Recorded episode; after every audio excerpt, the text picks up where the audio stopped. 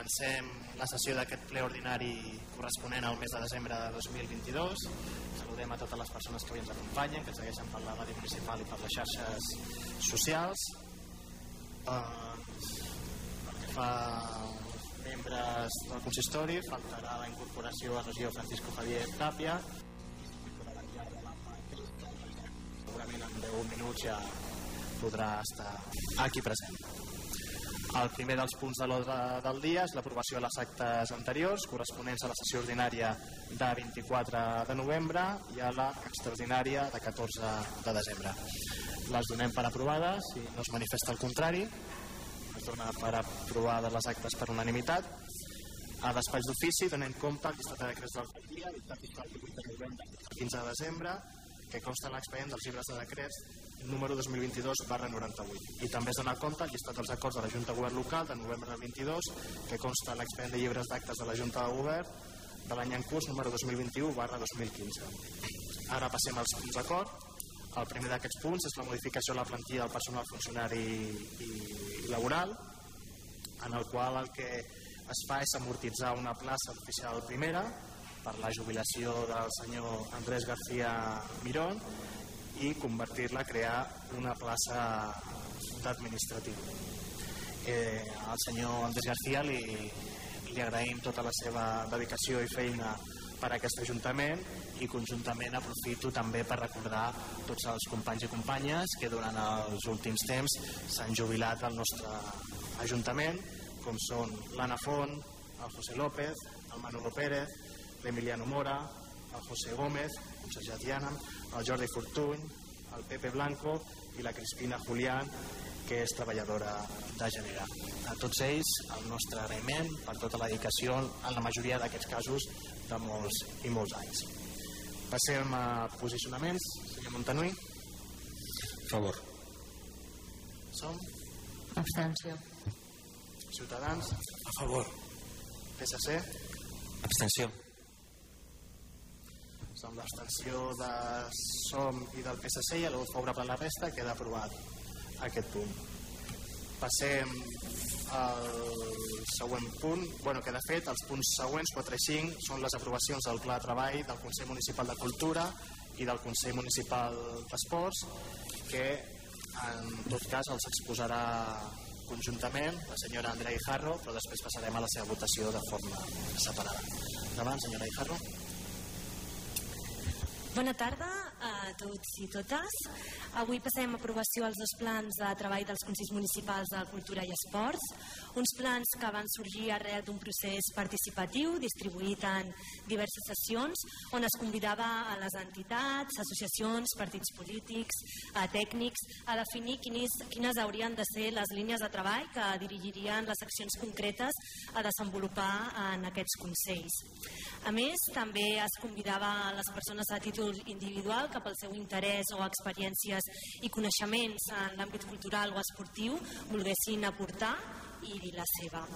L'empresa encarregada de realitzar aquestes sessions participatives va recollir totes les propostes i va presentar un esborrany dels plans de treball i un cop constituïts els consells, els membres doncs, van valorar cadascuna de les propostes i per unanimitat el plenari de cada consell es va aprovar el pla de treball. Algunes de les accions transversals que contemplen els plans de treball són la incorporació de la perspectiva de gènere en totes les accions impulsades o, per exemple, la integració d'una mirada que contempli tota la diversitat cultural i esportiva que tenim al municipi.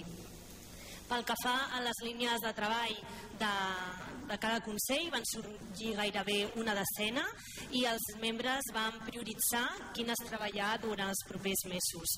Pel que fa al Consell Municipal de Cultura, va ser el seguiment i aportacions als projectes estratègics en l'àmbit cultural, altre tema de gran interès, i és el que s'està treballant en les darreres sessions, ha sigut el de les subvencions, entendre les diverses modalitats que tenim, quines són els diferents programes, les temporalitats, què estem fomentant, on arribem i on hauríem d'incidir encara més o abocar més recursos. Altres de les prioritats d'aquest Consell va ser la de disposar d'un marc d'assessorament per les entitats i per últim l'establiment de criteris per gestionar equitativament el repartiment dels diferents espais i equipaments eh, que tenim en l'àmbit de cultura. Pel que fa al Consell Municipal d'Esports, les prioritats han estat les següents. En primer lloc, l'impuls d'una estratègia comunicativa on es pugui veure tota l'oferta esportiva que tenim al municipi, d'AFAS, d'entitats amb i sense ànim de lucre, i l'oferta esportiva municipal. En segon lloc, la promoció activa de l'esport escolar, per altra banda, l'establiment de criteris per la distribució d'espais esportius i, per últim, també el seguiment i aportacions dels projectes estratègics en l'àmbit de, de l'esport. Ja s'han realitzat diverses sessions en amb dos consells, posant el focus en les línies prioritzades i cal dir que totes les reunions han estat molt enriquidores, s'han desenvolupat amb un esperit constructiu de sumar coneixement, d'oferir altres punts de vista i, per tant, altres possibilitats. I on les entitats participants, culturals i esportives, han ocupat un espai de protagonisme perquè tenen molt a dir i tenim molt a construir plegades. Així doncs, doncs esperem reprendre les sessions després de les festes nadalenques per continuar treballant pel nostre teixit comunitari fomentant el treball en xarxa i els vincles socials doncs, a través de l'esport i la cultura. Moltes gràcies. Gràcies, senyora Guijarro. Ara portem a posicionaments i aprovació, el primer d'aquests punts, que és l'aprovació del pla de treball del Consell Municipal de Cultura i la seva publicació en el portal de transparència. Senyor Montanui. A favor. Som? Abstenció. Ciutadans? A favor. PSC? Hola, bona tarda. Tenim clar tot l'esforç que s'ha fet per muntar aquest Consell i haig de dir que la participació és eh, molt mínima i que amb tres entitats, al Consell de Cultura, per exemple, pensem que no sé quin sentit té un Consell de Cultura en què només participen tres entitats. Llavors pensem que s'ha de tenir molt clar quines són les línies d'actuació perquè això reverteixi, perquè si no aquest Consell no tindria sentit. El nostre vot és d'abstenció. Gràcies. Senyora Ijarro, vols Uh, justament en aquestes sessions de treball que sobretot estem tenint al Consell de Cultura, on estem treballant les subvencions, hem fet uh, tres sessions, si no m'equivoco, depenent de la modalitat de, del tipus de, de concurrència, de modalitat de subvencions que tenim, on han estat convidades i s'ha fet un seguiment, s'han fet trucades particulars a cada entitat. Hem vist que en aquestes sessions doncs, han vingut més entitats, per exemple, tenim la, les l'entitat de les gitanes, que també hem vist com, com tenien un desconeixement que no sabien que, que el procés per inscriure's encara està obert i han mostrat el seu interès, perdó, el seu interès i entenem que després d'aquestes vacances de Nadal doncs, podrem sumar encara més entitats perquè compartim que aquest espai ha de ser el més representatiu possible i, i, bueno, i tenir la presència de tota la diversitat d'entitats que tenim amb l'abstenció de Som i del PSC, el vot favorable a la resta, queda aprovat aquest punt. Com deia l'altre, l'aprovació del pla de treball del Consell Municipal d'Esports i la seva publicació en el portal de transparència. El posicionament, senyor Montanui. A favor. Som? Abstenció. Ciutadans. A favor. PSC. Hola, buenas tardes a todos. Eh, como ha dicho mi compañera Sonia, encontramos que, que falta mucho, mucha gente que venga a las, perdón, que venga colaboración de las entidades. Están haciendo muy buen trabajo y, y lo que vemos también es que falta la cuantificación de, del plan de trabajo. Eh, nuestro voto es abstención. Amb l'abstenció de Som i del PSC i el vot favorable a la resta queda aprovat aquest pla de treball del Consell Municipal d'Esports. Passem al següent punt, que és la suspensió de llicències degut a la modificació del Pla General Metropolità de la zona per aquari i l'entorn. Senyora Ríquez Muñoz. Bona tarda a totes. Bé, com moltes de vosaltres ja sabeu, eh, s'està elaborant modificació del PGM a l'espai per a quart i la normativa urbanística preveu a, aquesta mesura, no? la, la suspensió de llicències no? que obra rehabilitació que portem ara ple per garantir que mentre s'elabora i no s'aprova inicialment no, no es consolidin situacions urbanístiques que puguin ser contràries i així evitar contradiccions eh, eventuals entre els dos instruments de planejament. Ara el que s'aprova és una suspensió potestativa de planejament derivat, llicències i projectes de gestió urbanística, és a dir, una interrupció dels procediments de tramitació d'instruments urbanístics o d'atorgaments eh, de llicències. Gràcies. Gràcies. Posicionaments, senyor Montanui. A favor. Som. A favor. Ciutadans. PSC. A favor. Molt bé, doncs queda aprovat per unanimitat aquest punt. Passem al següent, que és l'adhesió de Ripollet a l'agrupació de Defensa Forestal Trisensú, Defensa Forestal La Serralada. Presentar el regidor Eric Plata. Gràcies, alcalde. Bona tarda a tothom. Uh, en aquest punt portem a aprovació l'adhesió de l'Ajuntament de, de Ripollet a l'agrupació en defensa forestal La Serralada 301. Aquesta associació en base a Montcà i Reixat té com a finalitat la defensa de la protecció de la natura. Per aconseguir aquestes finalitats, eh, l'associació realitza activitats de vigilància forestal, prevenció i extinció d'incendis forestals, tasques de col·laboració amb el cos d'agents rurals de la Generalitat de Catalunya i altres serveis municipals. Aquesta associació dona cobertura durant tot l'any en prevenció, extinció d'incendis i gestió, i gestió forestal al Parc Natural de Collserola, Serralada Marina i l'Espai Natural Gallecs i el Parc Fluvial del Besòs.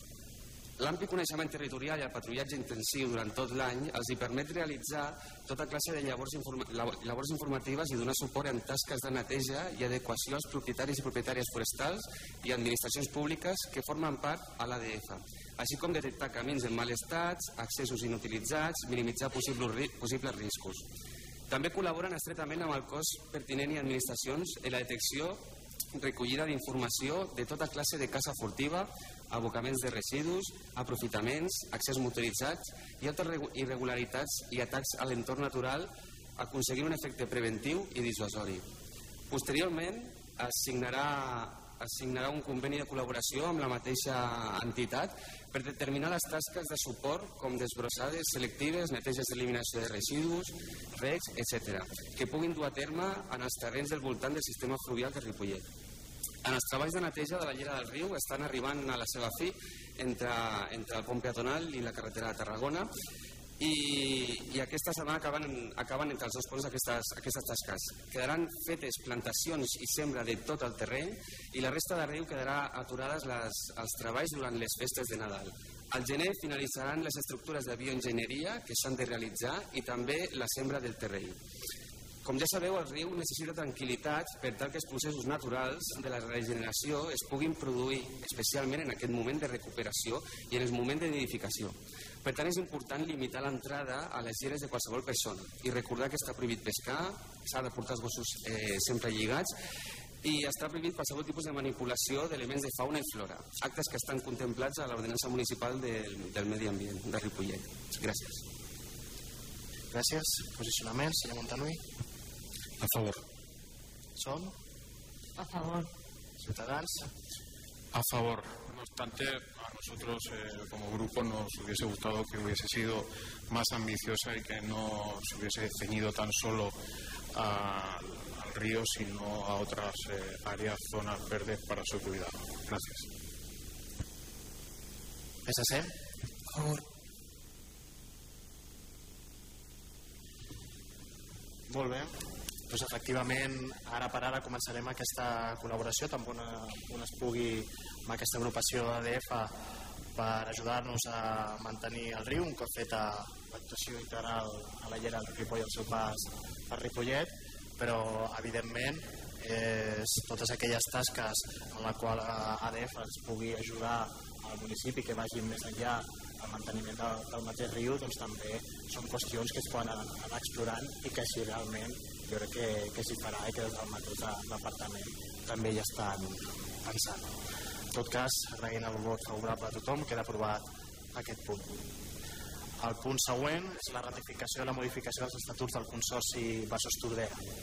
Aquí, aquest Consorci Bassos Tordera, del qual l'Ajuntament de Ripollet en formem part des de fa anys, fa alguns pocs mesos va aprovar una modificació dels seus estatuts consistent en, la, en el canvi de l'administració d'adscripció del consorci. Tot, tot consorci ha d'estar adscrit a una administració fins ara estava escrit a l'àrea metropolitana de Barcelona seguint criteris poblacionals quan realment el que hauria de ser és atenent a criteris de superfície i per tant la nova administració d'adscripció d'aquest consorci Besòs Tordera va a ser el Consell Comarcal del Vallès Occidental i donat que formem part d'aquest consorci doncs també correspon al ple municipal ratificar aquesta modificació dels estatuts.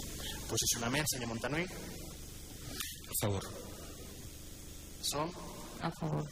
Ciutadans? A favor. PSC? A favor. Aprovat per unanimitat. Següent punt és l'aprovació del Pla de Treball del Consell de Desenvolupament Econòmic Local 2023. Deixo la paraula a la regidora Txell Caler. Endavant. Moltes gràcies i bona tarda a totes i tots.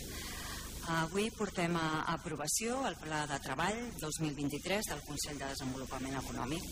Aquest Consell i el seu reglament van ser aprovats a sessió plenària el 30 de setembre de 2021 i va celebrar la seva sessió de, Constitu la seva sessió de Constitució el 13 d'octubre de 2021. Durant aquest darrer any hem celebrat diverses sessions en, en les que hem anat explicant a fons el nostre àmbit, els integrants del Consell, pas previ i necessari per poder elaborar el pla de treball. Creiem important saber d'on havíem partit el 2015 i, i conèixer el camí recorregut durant aquests set anys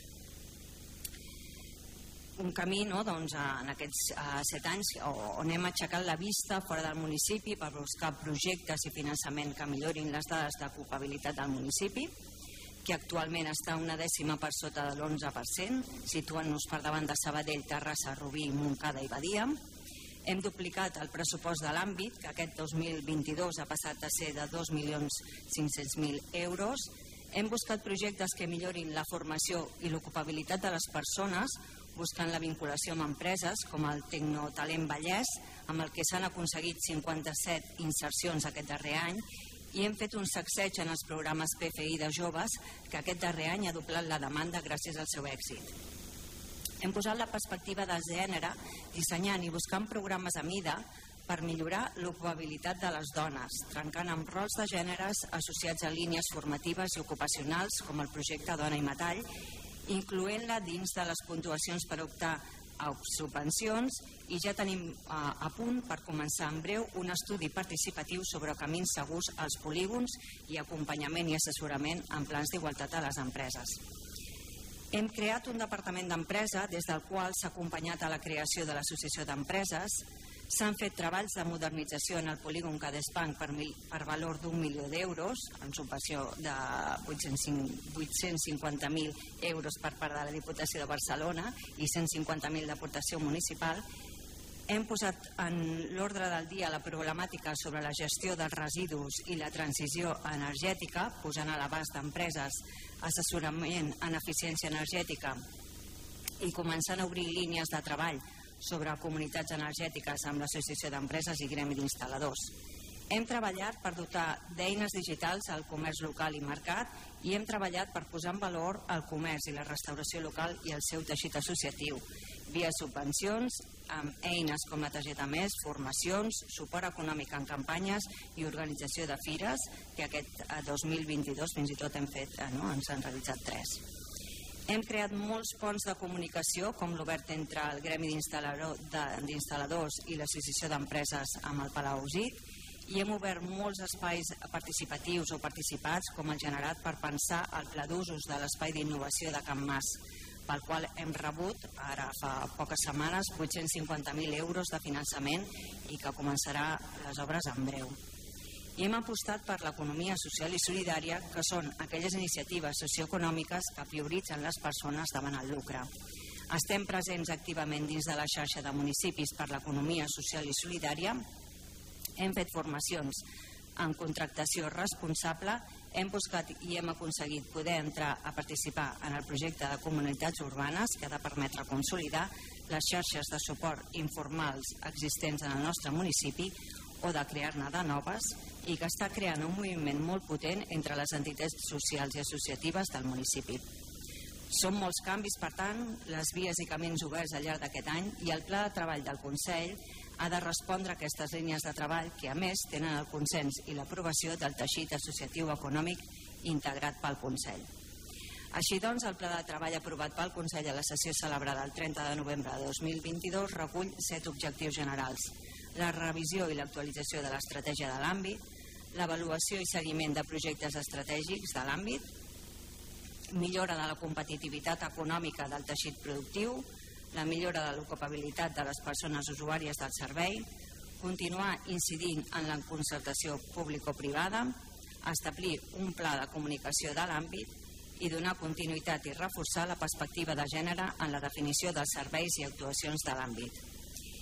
I a més a més doncs, s'han doncs, establert 11 línies de treball específiques que són la millora en la difusió dels serveis i actuacions de l'àmbit, proposar els criteris de les bases de subvencions, proposar els criteris per a programes d'emergència o pla de xoc, proposar criteris d'adequació de les ordenances fiscals atenent a les necessitats detectades, programació anual de la formació ocupacional, participació en la priorització de les actuacions en la millora dels polígons industrials, enfortir el teixit associatiu, impuls de la digitalització del teixit productiu i de les persones usuàries del servei, posar en valor el comerç i la restauració local, reglament d'usos de l'espai d'innovació econòmica i social i impuls de projectes d'economies eh, transformadores. Moltes gràcies. Perfecte. Posicionament, senyor Montanui. A favor. Som. Abstenció. Ciutadans. A favor. PSC. Hola, bona tarda a totes i tots.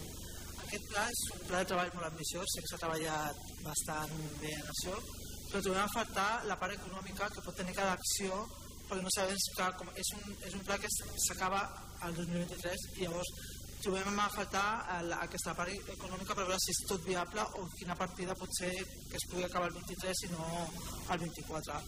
El nostre vot serà d'abstenció. Gràcies. Mm, bueno, l'afegirem ara quan comencem a treballar anirem a, treballant sobre això en el grup que bueno, uh, només comentar que, que mm, com he dit tenia l'aprovació de, del Consell de les persones que van integrar-ho en aquell dia no?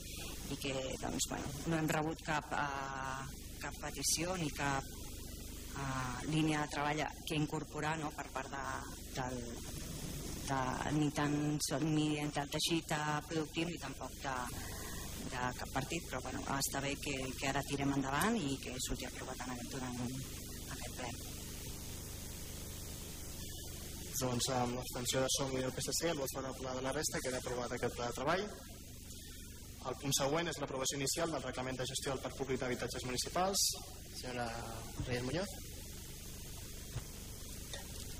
Doncs bé, aquest, aquest document eh, té l'objectiu d'establir de, com serà, disculpeu, eh, la gestió d'immobles de titularitat eh, o llogats, cedits, fruit conveniats per part de l'Ajuntament. Eh, dins d'aquest reglament es recull les diferents tipologies no, d'immobles, com a per exemple d'emergència residencial, projectes específics de convivència o bé fins i tot de caràcter general, la seva adjudicació, gestió i també el seu manteniment. Gràcies. Posicionament, senyor Montanui. A favor. Som. A favor. Ciutadans. A favor. PSC. A favor. Molt bé, doncs queda aprovat per unanimitat aquest reglament. S'aprova inicialment aquest reglament que haurà de regir el marc normatiu de la gestió del Parc Públic Municipal d'Habitatges de Recollet i se sotmet a informació pública i audiències interessats pel terreny mínim, mínim de 30 dies hàbils. El següent punt és l'aprovació del Pla Local de Joventut 2023-2026. Senyor Pablo López.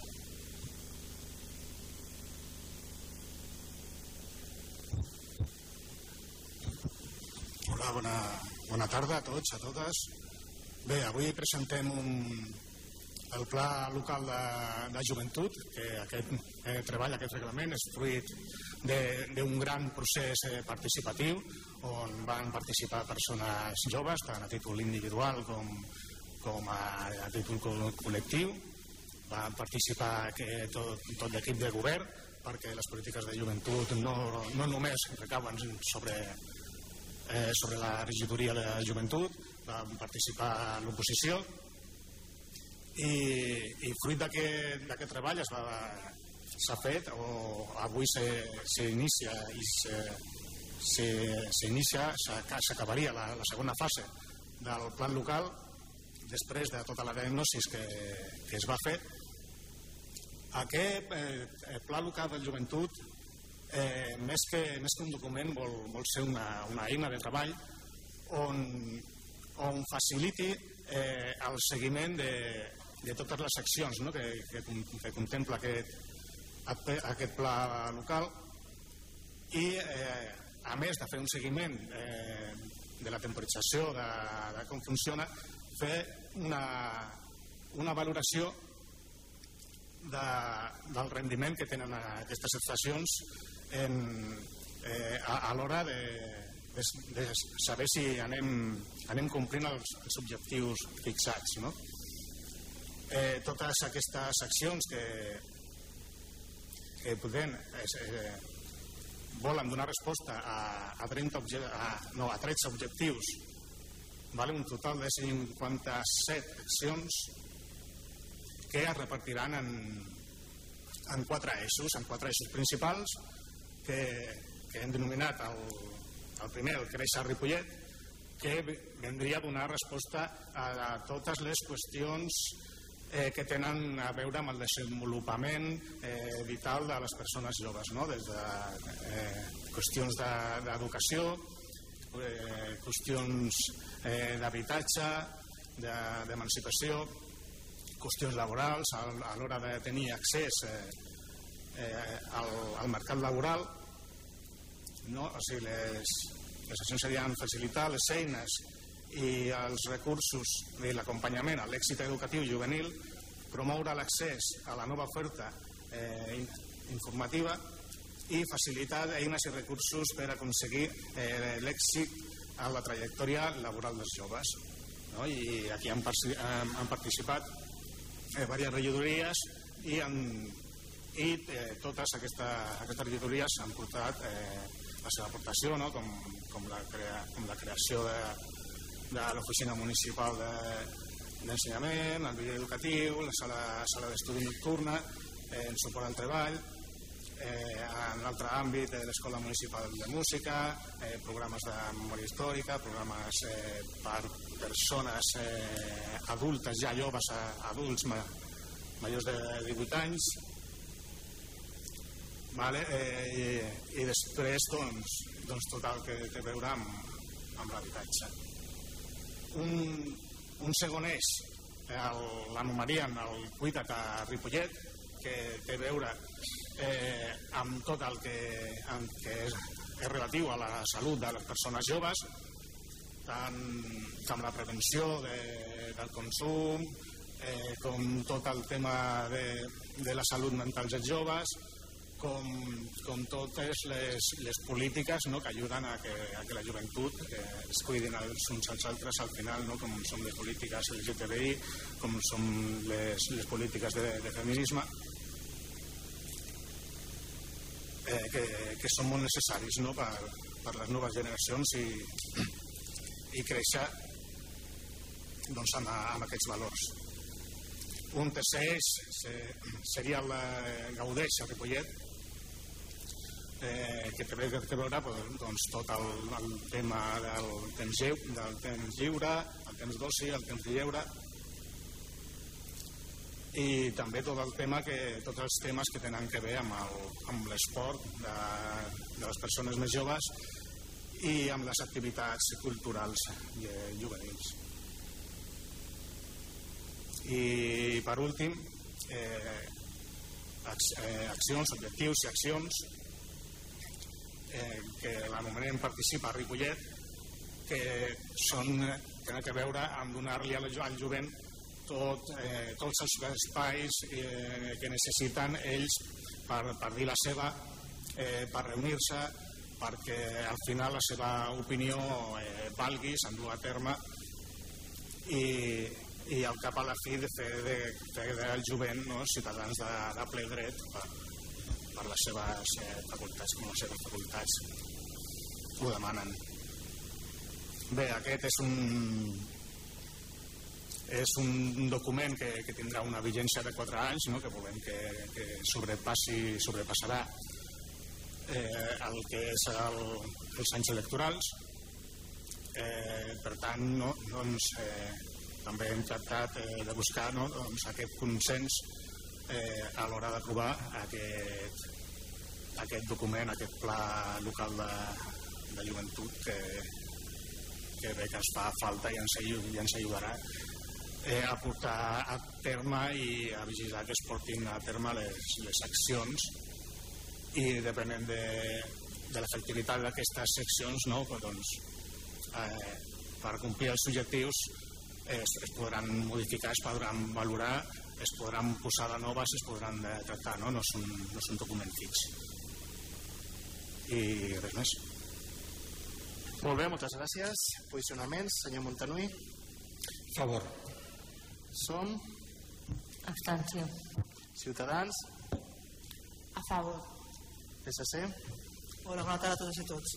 Primer, eh, felicitar els tècnics i les tècniques que han fet aquest pla local de joventut. La veritat és que està molt bé treballat i molt, està bastant extens. Després dir també que ara que acaba el mandat fan un pla de local de joventut, està bé, també han tingut 4 anys o 8 anys en aquest sentit per poder fer-ho i és que l'atenció es faci ara a uns mesos abans de les eleccions. Que sigui flexible ens ha agradat molt, que es pugui anar mou, movent i anar afegint coses, perquè la joventut va canviant, com tots sabem, i les coses que passen a la societat també van canviant. Eh, llavors el nostre vot serà l'abstenció. Gràcies. Molt bé, l'abstenció de SOM i del PSC queda aprovat aquest pla local de joventut 2023-2026. Ara passem a les mocions, que n'hi ha dues. La primera presentada pel grup del PSC, moció sobre la millora de la planificació, el procés d'admissió, l'oferta formativa i formació professional, l'aprenentatge al llarg de la vida a Catalunya. Qui la presentarà? Ha tirado? Endavant. Sí, bona tarda a tots i totes i a totes les persones que ens estan escoltant des de casa. Sí, aquesta és una moció que el que pretén és que el que volem és que es treballi per tenir una formació professional que sigui territorialment equilibrada, amb unes noves titulacions emergents, més tecnològica, més internacionalitzada, innovadora, inclusiva i que promogui la paritat de gènere en especialitats. Catalunya té grans reptes estructurals en la capacitació del talent humà que no meten la dilació i els dubtes i la improvisació que ha demostrat els recents governs catalans. Per això volem una formació professional molt més moderna i que serveixi realment d'ascenso social. I passaré directament als, als punts d'acords i que són els següents. El primer, instar al Departament d'Educació de la Generalitat de Catalunya a impulsar un pacte per la transformació i modernització de la formació professional i l'aprenentatge al llarg de la vida que recolliria els següents components. A. Dimensionar i planificar l'oferta de formació professional i adaptar-la a les necessitats sectorials i territorials i a la demanda formativa de la ciutadania, amb l'objectiu d'oferir una formació, una qualificació i una requalificació professional de qualitat, actualitzada i vinculada als sectors emergents i contemplar els recursos necessaris per l'execució d'aquest pacte. B planificar l'oferta formativa d'acord amb una prospecció realitzada prèviament i conjunta amb els agents econòmics i socials del territori, tenint en compte els informes i propostes de les taules mixtes de planificació, els consells municipals de la formació professional, els consells territorials de la formació professional, així com en les diputacions i els consells comarcals. C redimensionar l'oferta pública de programes de formació i inserció, de cicles formatius de formació professional bàsica, de cicles formatius de grau mitjà i superior de formació professional i dels cursos d'especialització d'acord amb una millora en la planificació i prospecció. Preveiem l'increment de docents i d'equipaments necessaris arreu del territori, combatent també les desigualtats territorials existents en la provisió de l'oferta de formació professional i prioritzar la creació de noves places a les comarques amb més dèficit de previsió. D. Millorar el procés de preinscripció i matriculació als centres formatius de formació professional o impulsar les reformes necessàries en la normativa vigent per tal de fer aquests processos més àgils, simples i transparents i per garantir que l'adjudicació definitiva de les places finalitzi com a màxim el mes de juliol i, en tot cas, sempre abans de l'inici del curs. E.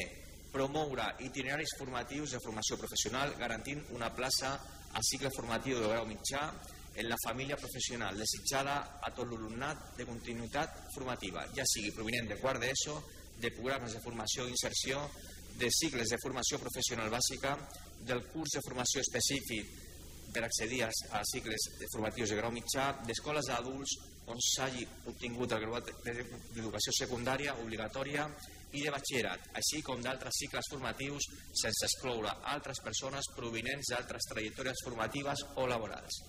Garantir una plaça a cicle formatiu de grau superior en la família professional desitjada a aquells estudiants de grau mitjà que desitgin continuar el seu itinerari formatiu en una família professional específica, així com els estudiants provinents de batxillerat sense excloure a persones provinents d'altres trajectòries formatives o laborals, promovent la continuïtat postobligatòria a l'alumnat amb necessitats específiques de suport educatiu, adaptant tant les condicions d'escolarització com l'avaluació per assolir una educació més inclusiva i d'èxit en cicles de formació professional i incrementar també amb aquest objectiu els itineraris de formació específics amb famílies formatives diverses al conjunt del territori. F. Articular i posar en funcionament el proper curs 2023-2024 un sistema integrat d'orientació professional al llarg de la vida i acompanyament de l'alumnat matriculat a l'educació obligatòria i postobligatòria i formació d'adults en el marc de la formació contínua estretament vinculat a la prospecció de necessitats formatives i a la planificació de l'oferta i especialment de l'alumnat preinscrit a determinats cicles tres formatius que no ha pogut accedir a cap plaça per manca d'oferta o per no ajustar-se als seus interessos i expectatives.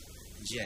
Elaborar i dotar econòmicament un pla contra l'abandonament prematur en col·laboració les administracions locals i supramunicipals, ajuntaments, diputacions i consells comarcals, en els cicles formatius de grau mitjà per tal de reduir les xifres d'abandonament escolar prematur en aquests que repercuteixi en una millora de l'acompanyament, la informació i l'orientació de l'alumnat, prèviament a l'accés als cicles i durant la seva estada.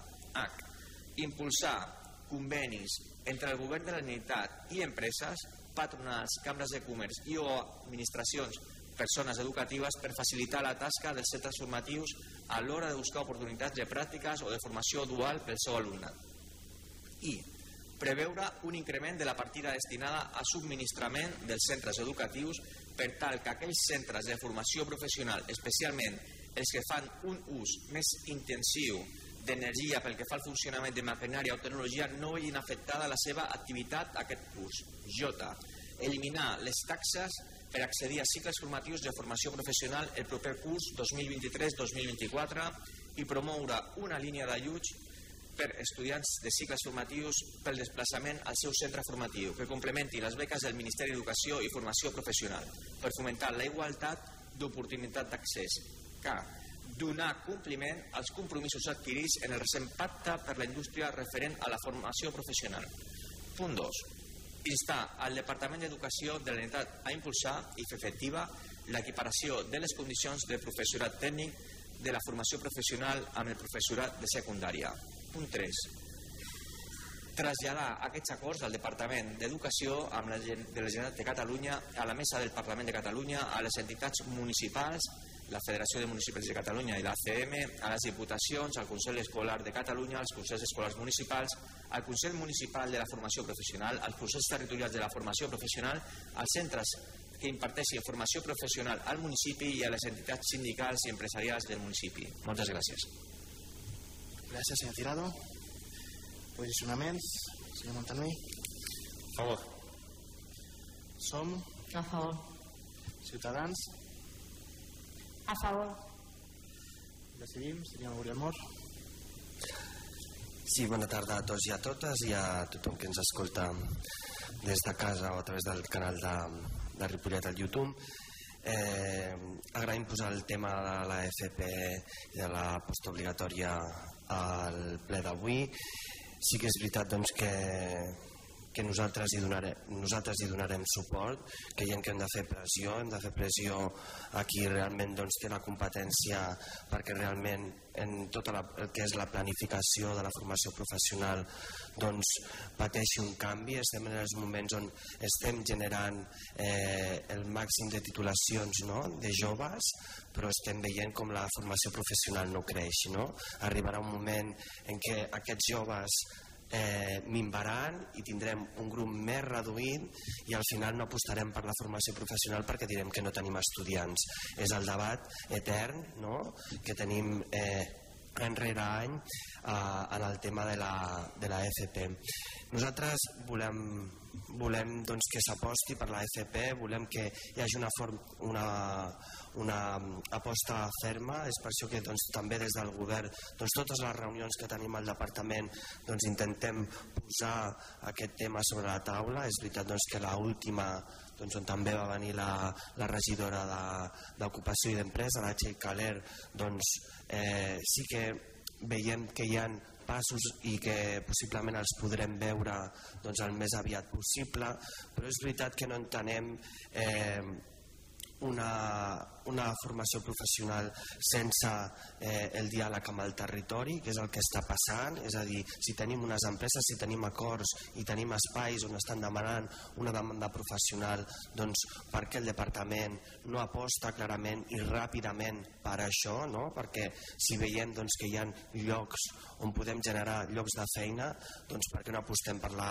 la formació i sobretot eh, i que quedi clar, no? al final el que volem és una FP pública, el reforç de la pública, un nou plantejament d'aquesta FP on realment doncs, aquestes barreres eh, econòmiques permetin doncs, a tothom eh, poder-hi accedir. Sí que m'agradaria també ja que surt en un dels punts d'acord, no? eh, el tema de l'orientació crec que és necessari, no? aquesta mirada d'orientació no només a l'alumnat, només a l'educació secundària, sinó que al llarg de la vida, com diu la moció, hem d'apostar per això i és per això doncs, que també des de l'Ajuntament de Ripollet i veient les mancances del departament tenim el nostre projecte d'orientació a l'escola d'adults i també al, a Ripollet Impulsa perquè les, les administracions locals al final el que fem doncs, també és mm, posar els fonaments no? quan en realitat els fonaments haurien de venir posats des de doncs, eh, dones eh, dirigeixen les lleis d'educació. Així que sense més dilació, donar, agrair al PSC que hagi portat aquesta, aquesta moció avui al ple i que entre tots i totes doncs, puguem fer força per aquest canvi en la, en la mirada de la formació professional i la postobligatòria al llarg de la vida. Gràcies. Gràcies. Senyor Tirado, per concloure. Sí, moltes gràcies, senyor alcalde. Per concloure, no només donar les gràcies a tots els grups polítics que han recolzat la moció, eh, també al senyor Mor, que no serveixi però la veritat és que m'han agradat les seves paraules, ho ha fet molt bé i, i estem totalment d'acord en, en les seves paraules. La veritat és que tenim una formació professional, tal com hem dit el senyor Mor i jo mateix, que necessitem eh, reformular-la, s'ha d'actualitzar i ha d'estar molt més propera al territori, és una necessitat, és una eina realment necessària d'ascenso social per les classes socials més desfavorides i, i necessitem que la Generalitat i ho diré col·loquialment, es posi les piles en aquest sentit. Se les ha de posar i se les ha de posar conjuntament a les administracions locals i amb, els, amb, el sector, amb la comunitat local que és qui sap els problemes que hi ha. No pot ser que no tinguem formacions, en, per exemple, en soldadura i les empreses estiguin demanant soldadors contínuament i no tinguin gent. I això és un exemple molt senzill, però aquesta és la realitat que tenim avui mateix a Catalunya i tenim una, una formació professional molt desfasada, antiquada, que no s'ha adaptat a la realitat social i la nova realitat que tenim i el, la transformació que estan patint i que estem patint actualment amb, amb un canvi d'època radical que s'està veient i que tots són conscients i l'administració que és qui té les competències de la Generalitat de Catalunya, en aquest sentit s'ha de posar les piles des de ja a treballar amb les administracions locals i amb tots els agents econòmics per tenir una formació professional adaptada a les necessitats que tenim avui en dia. Per tant, moltes gràcies de nou a tots i totes. Gràcies. Com s'ha dit, la moció queda aprovada per unanimitat. Passem a la següent moció, presentant aquest cas pel grup de Decidim, a instàncies del grup de famílies, Moció per la incorporació a les escoles i instituts de personal acompanyat a infants amb diabetis mellitus tipus 1. Senyor Oriol Mort. Bona tarda una altra vegada. Eh, portem un altre tema educatiu avui al ple i com no doncs també doncs, tornem a apel·lar a qui realment doncs, eh, té la potestat per, per fer aquests canvis perquè és veritat doncs, que ha aflorat doncs, un tema dels que jo li dic els invisibles no? d'aquelles petites situacions que es donen a diferents punts de diferents, a diferents centres però que fins que no hi ha eh, algú que li dona visibilitat a aquest, a aquest cas doncs passa desapercebut i moltes vegades doncs, els, cam els canvis que s'han de produir doncs, van més lent. Per fi doncs, s'ha visibilitzat aquest, aquest, aquest, aquest tema. En aquest cas doncs, ja han fet passos des dels ajuntaments de Vilanova del Camí o des de Cerdanyola del Vallès i jo donar les gràcies també a les famílies que s'han posat en contacte amb nosaltres per visibilitzar doncs, aquest, aquest tema i sobretot doncs, eh, hem d'anar ràpids amb aquest tema i hem d'acordar i hem de pressionar perquè al final qui pateix doncs són els, els nostres infants. Eh, al final aquesta moció eh, el que fem és per la incorporació a les escoles i instituts de personal acompanyat a infants amb diabetis mellitus de tipus 1. La diabetes és una, una malaltia greu i crònica i eh, està causada per una alteració immunitària que porta el propi organisme a destruir les cèl·lules beta del prànquies. La insulina és l'encarregada de deixar eh, passar la glucosa i tothom necessitem d'insulina per viure. Eh, però nens, adolescents i joves i després adults amb, amb, amb diabetis mellitus de tipus 1 necessiten injectar-la per poder sobreviure i és l'únic tractament. És per això que necessitem doncs, que les escoles doncs, juntament Departament d'Educació i Departament de Salut que poden com, eh, comencin a crear aquests protocols i que realment doncs, eh, incorporin aquests professionals eh, a les escoles per fer aquest acompanyament. És veritat que el departament el que diu sempre és que vol promoure doncs, l'autonomia dels joves no? i que realment doncs, que, que, que puguem arribar, fins que puguem arribar a aquesta autonomia, el que sabem és que ha d'haver un acompanyament. I aquest acompanyament no està clar i per això necessitem de protocols i realment d'acords del departament per acompanyar no només aquests infants, sinó els professionals que estan en el centre i també a les seves famílies. És per això que Avui doncs, proposem com a punts eh, d'acord instar a la Generalitat de Catalunya, concretament al Departament d'Educació i al Departament de Salut, a dotar de recursos humans, econòmics i tècnics a les escoles i instituts públics de Catalunya, sent un referent en l'àmbit espanyol per a la previsió i l'acompanyament de les famílies amb infants amb diabetis, eh, amb diabetis mellitus tipus 1. Eh, parlem d'inclusió, una inclusió que no s'ha fet que s'ha fet efectiva gràcies als professionals que es troben dins dels, dins dels centres, però sí que és veritat que és una inclusió eh, fantasma, perquè una inclusió sense un pressupost per a aquesta inclusió doncs no és porten els professionals molts anys demanant aquests recursos i el que volem és que en casos concrets doncs, com aquests doncs, es fagin eh, aquests passos que ens ajudaran doncs, a, a fer que aquesta educació acompanyi a l'autonomia i realment doncs, conviure doncs, amb, a, amb, amb, amb, la, amb la diabetes. Gràcies. Moltes gràcies, senyor Mor. Posicionaments, senyor Montanui. A favor. Som? A favor. Ciutadans? A favor. SC? Sí. Eh, bona tarda a tothom. Una moció molt oportuna i que tenen que haver-hi moltes més, per tots sabem, perquè precisament en el nostre país un, de, un dels temes pendents són aquests grups minoritaris que tenen, diguem-li, enfermedats rares o problemes d'aquest tipus, no? Estan absolutament abandonats en la investigació i absolutament abandonats, encara que a nivell personal, com ha comentat aquí el company Oriol, pues sí, farem, farem, farem, però al final no es fa.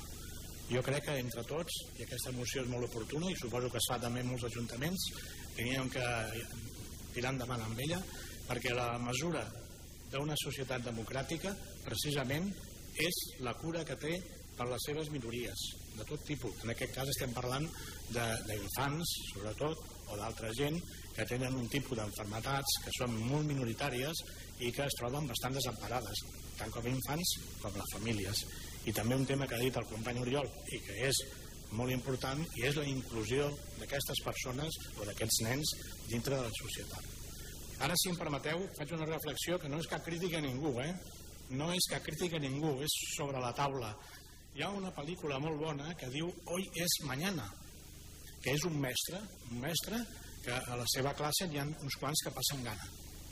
I aquest mestre es presenta a l'Ajuntament i a dir i no, és, no, té, no té res a veure amb l'alcalde, amb el Josep Maria i amb vosaltres. Eh? Simplement és una reflexió perquè a vegades podem fer alguna coseta, no ho sé. I l'alcalde què li diu? No, no, el fet del menjar el paga eh, el Ministeri d'Educació, el paga l'Assistència Social de, de París i nosaltres no podem pagar res, però realment estàvem passant gana. Amb això que vull dir, home, a vegades, si, si hi ha alguna possibilitat encara que sigui que sabem que el que té que haver-hi és un protocol, és una formació de gent, però si coneixem o tenim contacte i tenim alguna possibilitat, no sé, els nens de Ripollet que poden estar afectats per aquest tipus d'enfermetat, no ho sé, ho desconeixo, però si hi alguna possibilitat, doncs no està de més de pensar que avui és demà, si poguéssim. I ja et dic que no és cap crítica a ningú, eh? és simplement una reflexió. Gràcies. Els socialistes votarem a favor. Gràcies senyor Belmor, si vol moure. Digues. Ai, perdona.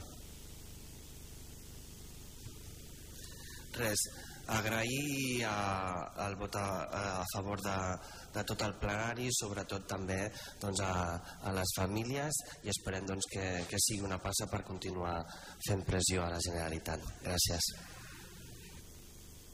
Molt bé, doncs queda aprovada per unanimitat aquesta moció, que esperem que serveixi, que sigui d'utilitat, que seguim fent pressió i cadascú des de les nostres des de les nostres responsabilitats poder-ho fer realitat i sobretot també molts ànims a les famílies, agrair la seva assistència i la seva proposta perquè al final també són els que ens fan avançar com a municipi, com a societat. O sigui, doncs moltes gràcies i queda aprovat per unanimitat.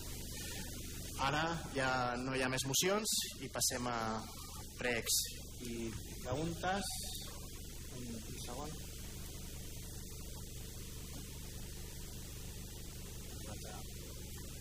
Senyor Montanui?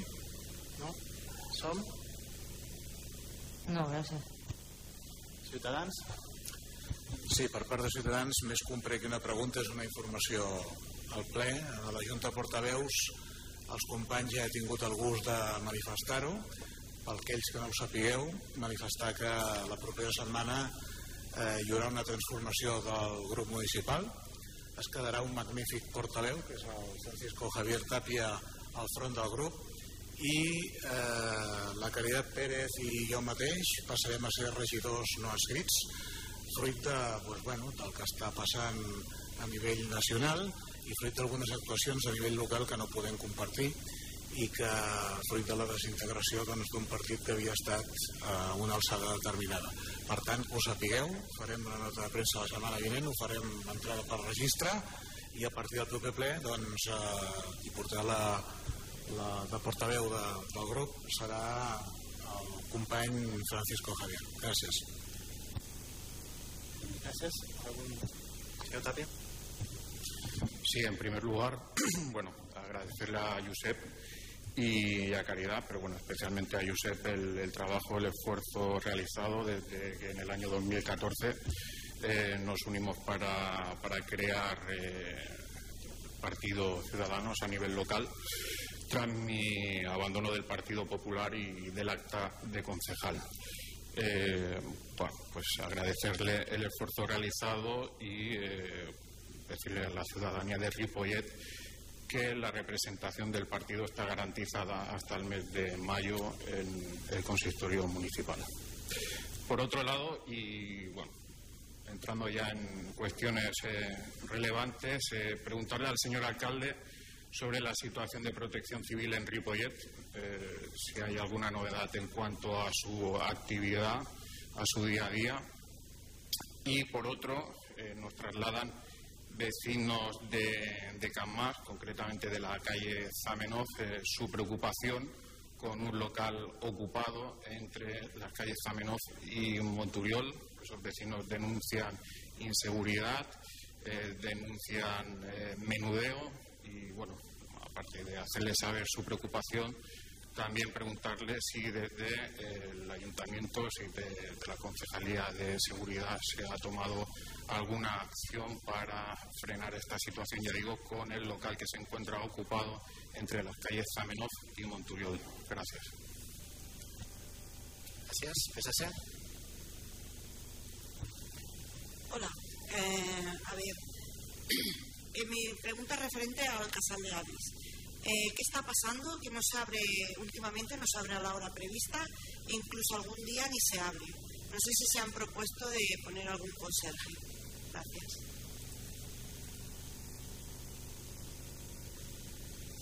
Hola. La meva, una de les meves preguntes és si ens podeu passar les dades de matriculació de l'Escola de Música Municipal, que crec que no us les van demanar aquest any, sempre us les demané, aquest any no, no les teníem. Com ha funcionat la tarifació social en aquest sentit de l'Escola de Música Municipal i al fil de la tarifació social, si ens podríeu donar una valoració en refer, què pensa el govern de, del percentatge que ha sortit del 74% de famílies que s'han penalitzat per pagar la quota màxima a les llars d'infants de, de les escoles bressols aquí municipals de 250 euros. Gràcies. Sí, bona tarda una altra vegada. Bé, la meva pregunta, o la nostra pregunta, en aquest cas és pel company Pablo López, eh, ja fa dos plens en aquí mateix eh, vam presentar una sèrie de preguntes, dues en concret que tenien que veure amb la memòria democràtica aplicada a Ripollet. La primera feia referència a la necessitat que hi ha, segons diu eh, l'actual normativa de memòria democràtica publicada ja en el BOE, com aquí es va demostrar, la necessitat que hi ha de que eh, s'identifiquin si existeixen eh, locals o instituts o el que sigui que tenen noms que estan lligats a, a l'anterior administració franquista. M'agradaria si puc saber si vostè ja ha iniciat alguna investigació per veure si hi ha alguna d'aquestes qüestions en el nostre poble. Aquesta és la primera. I la segona té que veure amb els detinguts durant el període de la dictadura franquista, perquè és bastant trist que aquí a Ripollet hi hagi un desconeixement pràcticament total de les persones que van ser detingudes per motiu de lluitar contra la dictadura. I per tant és un altre, un altre meló que tenim que obrir i m'agradaria saber, senyor Pablo, si vostè ja també té previst o ha iniciat treballs per començar a identificar a tots aquells ripolletens i ripolletenques que van sofrir penes de presó i com li vaig dir l'altra vegada no li parlo ni de la postguerra ni li parlo del, del, perdó, del consistori republicà o de soldats, no, li estic parlant de la dictadura franquista, sobretot a partir dels anys 50 ja. M'agradaria que aquestes dues qüestions si ha iniciat ja a l'estudi de la possibilitat d'existència de noms no apropiats i que van en contra de la pedagogia i els valors que moltes vegades discutim i per tant és necessari canviar-los o si no n'hi ha això és una feina que vostè té que emprendre i que discutirem i la segona és sobre la gent que va sofrir i va patir eh, sota la dictadura per haver lluitat per la democràcia i per lo que aquí avui estem disfrutant tots gràcies Gràcies. Següent. Hola, bona tarda de nou. Uh, una, bueno, és una consulta, una pregunta. A la, a la llena del mes de desembre va sortir publicat que el dia 31 l'Aresta faria el cap d'any a l'anexa del, del pavelló. Als pocs dies va sortir un comunicat de la, de la mateixa entitat dient que desmentia aquesta, aquesta festa de cap d'any per una sèrie de, de divertir-se amb, amb l'Ajuntament o amb la regidoria que pertanyia. Llavors, la nostra pregunta és si hi ha cap alternativa per aquest any per la, pel jovent a partir de 18 anys o, resta no fa res aquest any el jovent es queda sense festa de cap d'any gràcies Gràcies. Sí, eh, jo tinc algunes preguntes, poques. Eh, la primera és, més que res, un prec eh, al govern per la situació que ens han manifestat alguns pares i mares de l'Institut Just Companys sobre la calefacció de l'escola de l'Institut Just Companys i veure si l'Ajuntament ha fet alguna cosa amb el Departament d'Educació de Generalitat de Catalunya perquè solucioni el més ràpidament possible perquè es veu que la situació és bastant, bastant crítica amb el fred que, que estan passant els alumnes ara mateix a l'escola i voldrien saber si s'ha fet alguna gestió i si es pot fer per part de l'Ajuntament. Ja sabem que no és competència nostra, però que si s'ha fet alguna, alguna cosa al respecte. I la segona és, eh, hem tingut eh, alguna trobada amb, amb, algun, amb alguns veïns i veïnes de l'entorn de, de la penya la Macarena, de Ripollet, i ens han demanat que posem de manifest al ple doncs, la situació que estan patint, de sorolls de, i de conflictes que, per la convivència que, que estan patint al, a les seves vivendes i voldrien saber quines accions ha pres el govern i quines accions pensa prendre en un futur per intentar solucionar aquest problema que sembla ser que ja porta, que porta temps i, i a veure si, si es pot solucionar d'alguna manera parlant amb l'entitat o negociant amb ells, no ho sé. Vale? Eh, I és l'altre tema que us volíem comentar. Moltes gràcies. Gràcies. Regidors, regidors, puguin estar. Plata. Sí, gràcies, alcalde. Uh, bona tarda, altre cop. En resposta a la regidora Mari Carmen de l'horari al casal d'Avis, eh, sí que és cert que es va, fa unes setmanes es va, es va modificar l'horari. Això va ser decisió de la Junta, de, de l'entitat que ara mateix està gestionant la, la, la instal·lació, però en, en tres setmanes aproximadament ja tindrem en funcionament el, el bar, ja es va fer la licitació i llavors eh, tornaríem a tenir l'horari normal. També afegir que aquest 2023 hem estat, treba... bueno, hem estat treballant aquest 2022 perquè el, el 23 puguem tenir el, el paper d'una dinamitzadora en el casal d'avis. Quan vam fer l'assemblea participativa amb la gent gran van detectar moltes mancances, mancances que poden ser des de suport a entitats, dinamització, consergeria o gestió dels espais. Llavors, tenir la figura d'un dinamitzador, dinamitzador al casal d'avis podria, diguéssim, solucionar totes aquestes mancances que es van detectar. I en un primer moment, en principi, el 23, tindríem, bueno, en tres setmanes el bar obert i també un, un dinamitzador, dinamitzador al casal d'avis per poder, diguéssim, solventar totes aquestes necessitats. Gràcies. Senyor Elmos. Bé, en relació a les dades de matriculació de l'Escola de Música en vam parlar a l'últim Consell Escolar Municipal, que es van donar totes les dades de matriculació de tots els centres educatius de Ripollet. Igualment, en l'acte que li arribarà, doncs, ho podrà veure i, i farem tot el que, el que diu de l'estudi de la tarifació social per poder, per poder fer eh, la reflexió. La reflexió com eh, la farem de l'Escola de Música, l'hem fet de l'Escola Bressol Municipal, l'hem fet en el, en el sí dels Consells Escolars de l'Escola de Rodeta i la Marema. Hem estat mirant com ha afectat aquesta mesura a, a, al, al funcionament i sobretot quin ha estat l'impacte i realment doncs, no podem dir que estem descontents.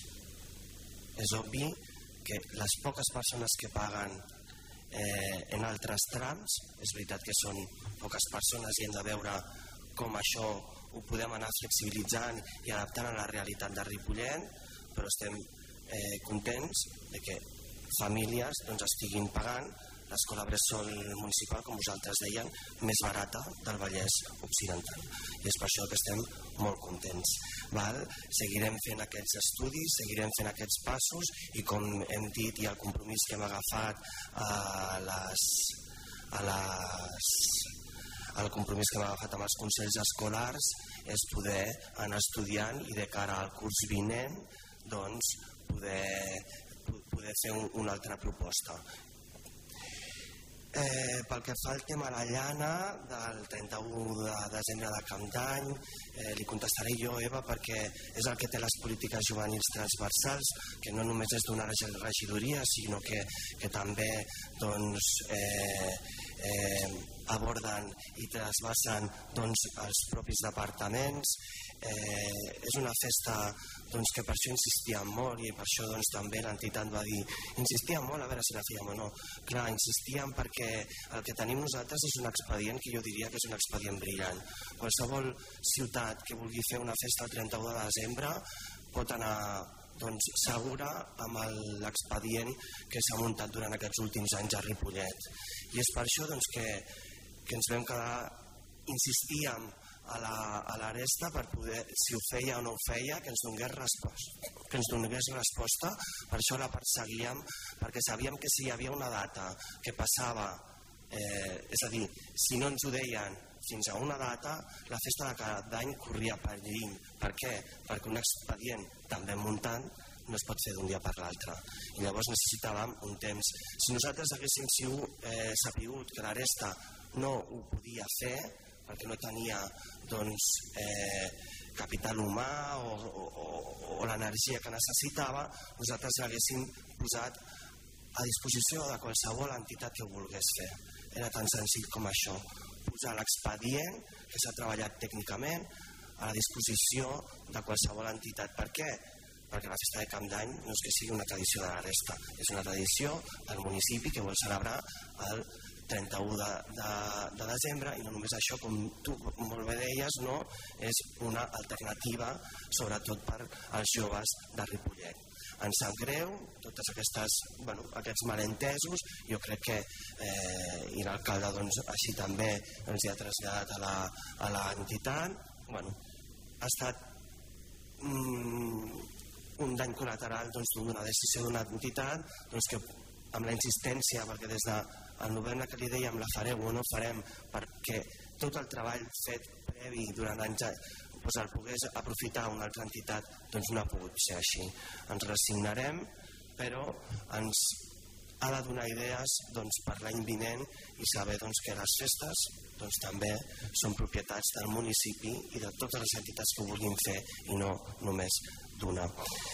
I pel que parlàvem dels Lluís Companys Lluís Companys ha estat doncs, unes setmanes doncs, mm, sense calefacció, parlem d'una calefacció de 50 anys, que és el que ens sol passar a les administracions, no només a Lluís Companys, sinó nosaltres ho hem patit al Clavé, al Tatxer, al Ginesta, doncs que quan una caldera és doncs, molt antiga i té problemes, doncs costa solucionar-lo en un temps rècord. No? És veritat doncs, que han tingut problemes amb la caldera, han, han tingut problemes amb el tub no?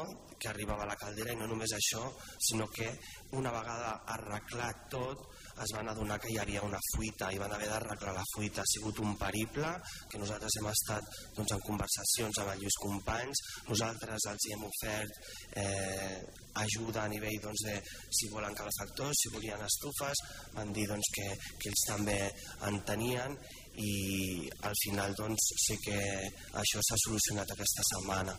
Eh, entenem doncs, que hi hagi malestar entre doncs, l'alumnat i, i el professorat del centre perquè és veritat doncs, que, que no volem condicions així però sí que és veritat que amb, amb gajes de, del dia a dia doncs, a vegades eh, podem tenir problemes doncs, com, com, el que, com el que ha patit el Lluís Companys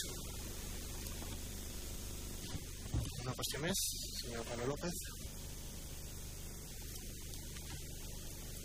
Sí, a, a les preguntes del, del senyor Ramon Martos. Eh, aquest estudi de, dels jocs o dels equipaments o dels noms o dels signes que, que poden haver-hi de, de, del franquisme, això, eh, això ho van contestar. O sigui, fer, fer un estudi, gastar, gastar uns recursos i tal per, quan ja, quan ja s'han tret eh, tots, els símbols, eh, tots els símbols franquistes de, de Ripollet i si quedarà punt només, només s'ha d'avisar per retirar-lo eh, i el tema dels, dels noms eh, d'alguna manera també, també li van eh, comentar perquè estem pensant en dos o tres noms d'instituts, no sé si té al, cap algun, algun altre nom. I això ja li, van, eh, ja li van contestar. N'hi ha, hi ha un reglament de, de nomenclator per això, del, per això dels noms que està previst l'estudi. Per què és necessari fer un estudi? Perquè dir que, que uns noms que, que van participar de, del franquisme per, per haver estat en, aquell, en, en aquella època és acusarat. És acusarat i, i el reglament de número 14 ja té previst que quan hi ha una, una demanda de canvi de nom eh, primer s'ha de tenir una, una proposta per canviar-lo. I, i més endavant doncs, fer aquest estudi per què es vol canviar aquest nom. Eh, dir que és el nom eh, per estar a aquella època en, en una activitat política és, és un nom amb els franquistes no sé, s'ha d'estudiar. I, i el tema de, de fer un estudi de, dels empresonats i dels represaliats a, a partir dels 150 de, de la dictadura. Eh, fer memòria no és una cosa de, de deures, no és una cosa de, de que s'han de fer aquestes coses i ja han fet memòria. No, fer memòria és, és, és una cosa que, que, que, que és un continu, no és una cosa que, que es acabi mai. Això s'ha de fer i, i sí, sí, és una mancança de, del poble, són coses que, que, es poden, que es poden anar a fer amb els recursos que tenim i amb, amb els recursos econòmics i humans que tenim, eh, fer segons què coses, eh, alterant la programació i alterant això, eh, es fa difícil s'apunta i se'ls treballa i, i, i segur que, que, que, trobarem, que trobarem el moment per, per fer aquest tipus d'estudi. Segur que sí. Gràcies. Alguna més? Senyor Fran Sánchez. Bé, jo volia fer un petit prec només per posar en valor que avui per fi després de molt de temps no s'ha aprovat al Congrés dels Diputats la llei trans i la llei TBI i per què ho vull posar en valor? Perquè d'aquest Ajuntament, començant per aquest plenari, per aquest govern, sempre s'ha recolzat de que, de que això havia de ser llei. Per ser el primer Ajuntament que vam, vam impulsar una moció a nivell municipal per recolzar la llei trans. També van tenir la visita de la, de la ministra Irene Montero per aquest mateix motiu, per, per, bueno, per la força, per la força dels municipis en què aquesta llei pogués tirar endavant i, i només volia posar en valor això, no? dir que tristament arriba, arriba tard, començant per unes friccions internes que han hagut del mateix govern, que l'únic que han fet és alimentar doncs, un missatge terç, d'odi perillós, però, però per sort doncs, s'ha arribat a una entensa, encara que no ha sigut la llei 100% que els col·lectius doncs, volien, però s'ha arribat a una entensa, s'ha quedat una llei que realment despatologitza aquella del 2007 i que dona un pas endavant i que es posa, es posa a nivell europeu en els drets de les persones LGTBI trans. I des d'aquí doncs, felicitar aquestes entitats felicitar molt enormement a la plataforma transestatal, a la seva presidenta Marc Cambeller, que he tingut l'oportunitat de que vingui a aquesta ciutat en diverses ocasions i molt especial també doncs, a, a dues entitats més que juntament amb ATA, l'Associació de Assessors d'Andalucía, a ICUSGUN, d'Euskadi i l'Observatori contra Homofòbies de Catalunya, doncs estaven avui allà al Congrés, no? reposant amb altres entitats des d'aquesta descentralització des d'aquestes des d'aquests territoris i posar en valor doncs, aquestes persones també i sobretot doncs, a la, al Ministeri d'Igualtat, a, a la Ministeri de Montero i, i agafar les seves paraules que va dir expressament que volia que estiguessin al diari de sessions de del Congrés doncs, que les dones trans són dones en el qual només això, felicitar-nos totes perquè aquest plenari i aquest ajuntament doncs, ha reposat aquesta llei des del principi i crec que avui doncs, és una molt bona notícia per felicitar-nos. Gràcies. Per part, per part meva, comentar una qüestió, tema de protecció civil, eh, ara mateix està aturada perquè l'anterior junta va marxar, va dimitir, eh, va entrar una nova però que la pràctica està inactiva, entre d'altres perquè, i ho dic obertament, entre d'altres perquè encara l'anterior presidència a l'agrupació de protecció civil m'ha justificat les subvencions que des de l'Ajuntament es van atorgant als moments. Això s'han fet diversos requeriments i un cop això es resolgui doncs es podria pues, tornar a tirar endavant, no oblidem que l'agrupació protecció civil no forma part directament de, de l'Ajuntament i és una qüestió que la mateixa agrupació Protecció Civil ha d'endreçar d'una forma o altra per poder continuar amb aquesta. El local de Zamenhof i Montoriol em penso que és el mateix que en altres ocasions havíem comentat, que no tinc notícies noves, en tot cas també comentarem els companys de, de policia local per veure quines informacions tenen o si és el que podem fer seguiment si passa alguna cosa.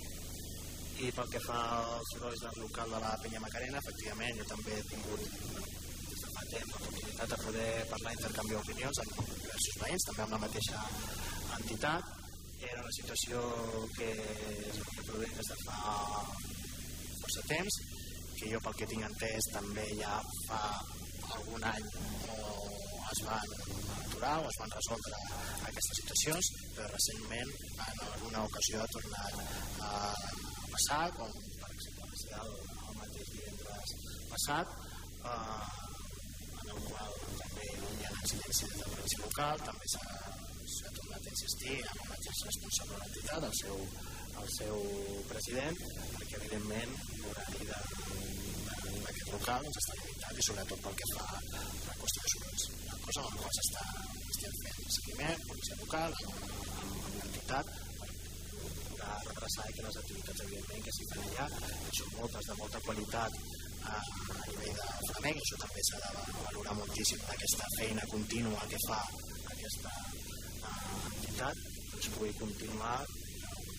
tot evidentment a aquestes situacions de, de descans de, dels veïns alguna senyor Marcos Gràcies, senyor alcalde.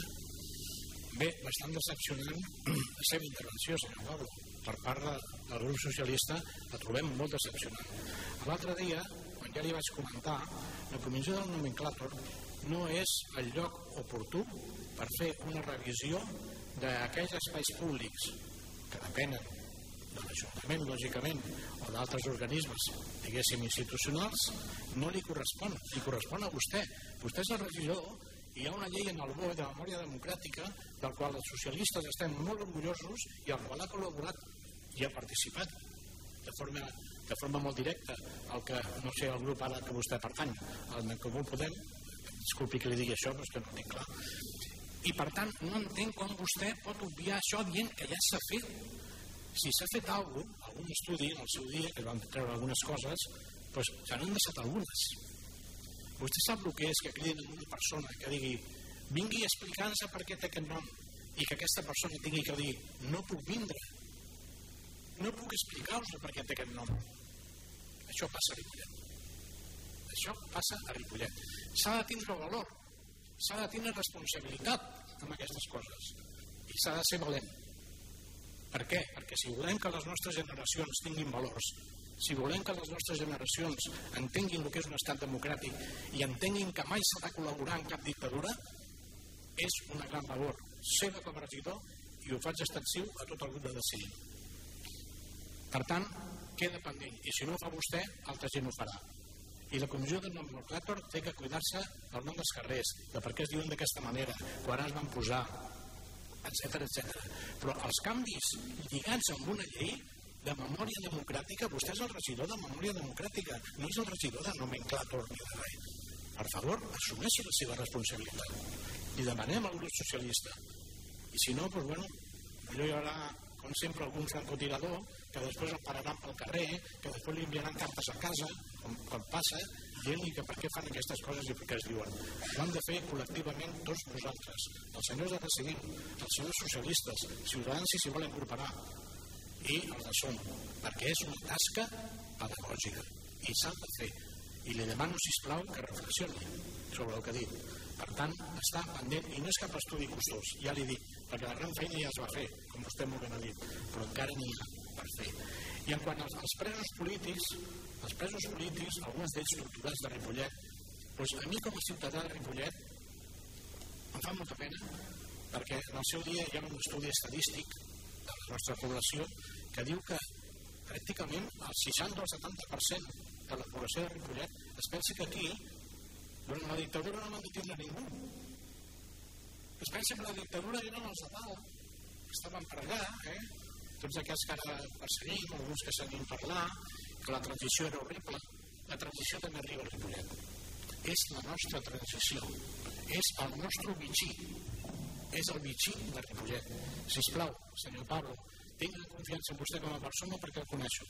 Reflexionin vostès i reflexionin els senyors de Decidim perquè aquesta tasca pedagògica és una funció democràtica que tenim que fer. Gràcies. Senyor Tirado, volia... Sí, eh, volia fer la rèplica a les, a les contestacions, segons el ROM. Eh, primer de tot, agrair al senyor Sánchez la intervenció que ha fet, encara que no, no li hem preguntat per aquest tema cap, cap d'allò, però, però li agraeixo que, que estem totalment d'acord amb que una llei del govern socialista i de Podemos, com la llei trans hagi tirat endavant, de, de Pedro Sánchez allí al final, amb, amb moltes dificultats, és veritat, hagi pogut tirar endavant aquesta llei i, i, i, i li agraeixo la intervenció. Després, referent a, a dues contestacions. La rèplica li volia fer la, la senyora Sònia Martín, però ha hagut de marxar i, i també jo faré una rèplica a la, a la breu intervenció que ha fet el, el senyor Plata sobre la gent gran. Li faré molt, molt ràpida, sense entrar en més polèmiques, que, que no és la intenció. Eh, li agraeixo que després de 8 anys hagin fet un pla de participació a la gent gran i s'hagin adonat que fa falta un conserge i una mitja hora. Han trigat 8 anys, però gràcies. I el senyor Oriol Moro, a veure com li dic.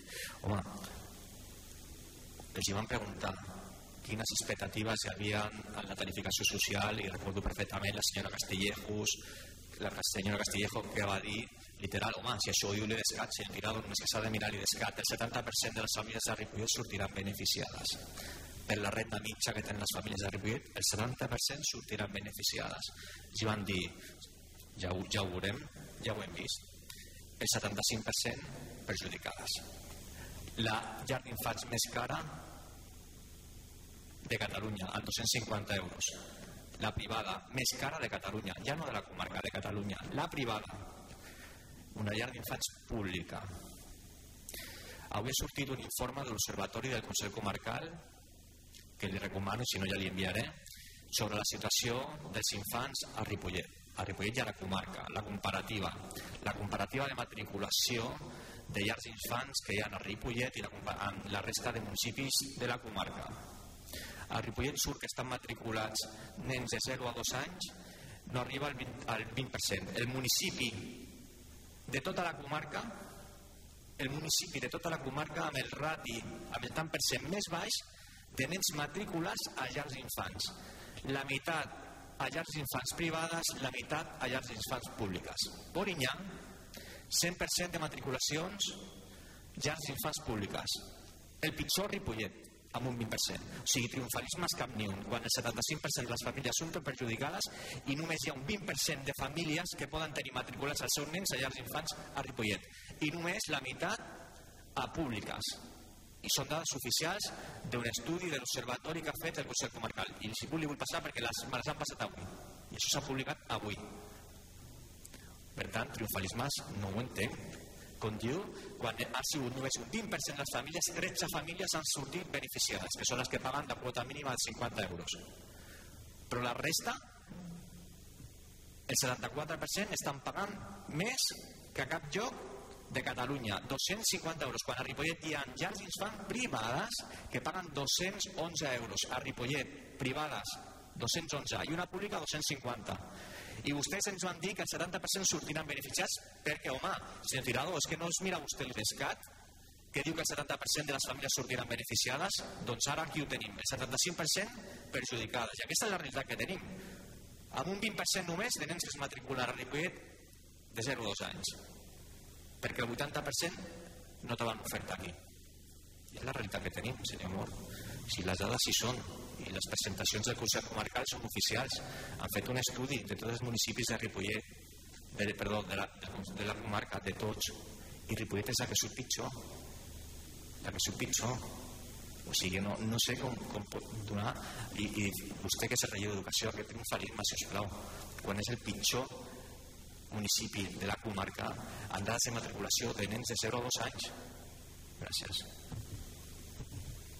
Perdó, senyor Osuna i com que no podré replicar abans d'acabar, que volia dir només desitjar és el darrer ple de l'any desitjar bones festes a tothom, a tots els regidors i regidores, al marge de, del debat polític, són persones, són companys, i desitjar-vos unes bones festes i a tots els veïns i veïnes també que, que, que gaudeixin les, les festes i que tinguin una, un bon Nadal i un molt bon any 2023. Moltes gràcies.